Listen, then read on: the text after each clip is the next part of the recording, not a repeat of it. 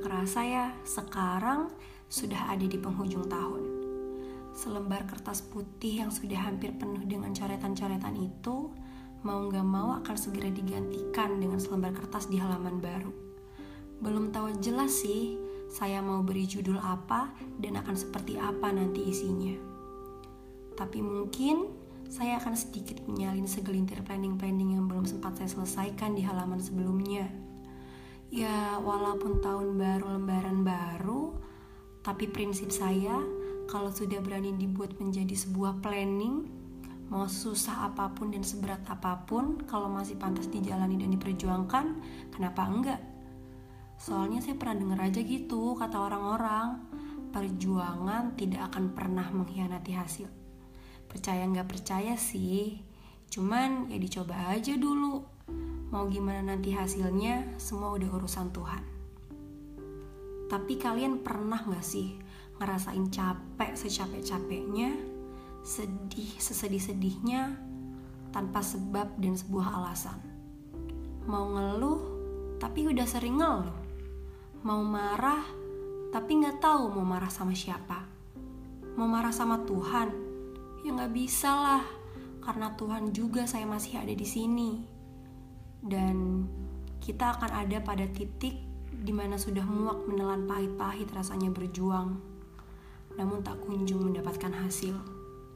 Sudah jenuh dengan keadaan yang terus mendorong untuk menyerah, karena selalu merasa, ya saya sudah nggak mampu. Tapi menurut saya, bukannya kita yang nggak mampu, tapi kita terlalu mendorong diri dan membuat semua angan-angan menjadi sebuah beban. Sadar gak sih, selama ini bukan badanmu aja yang lelah, tapi jiwamu juga ikut gundah.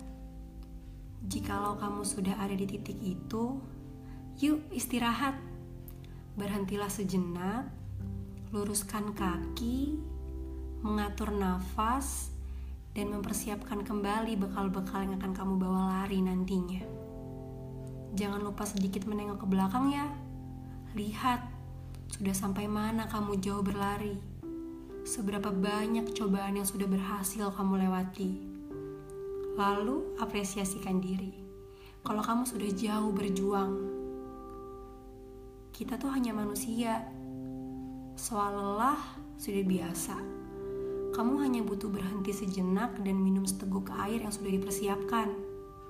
Kalau sudah merasa kuat, larilah menuju masa depan dan pesanku yang harus kamu lakukan malam ini, masuklah ke kamar, tarik selimut sampai dada, pejamkan mata dan berterima kasihlah kepada Tuhan. Dan tentunya kepada diri sendiri, kamu sudah hebat.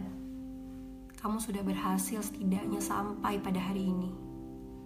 Berdoalah kepadanya untuk selalu diberikan kekuatan, diberikan dinding yang kokoh untuk menghalang semua ombak yang datang.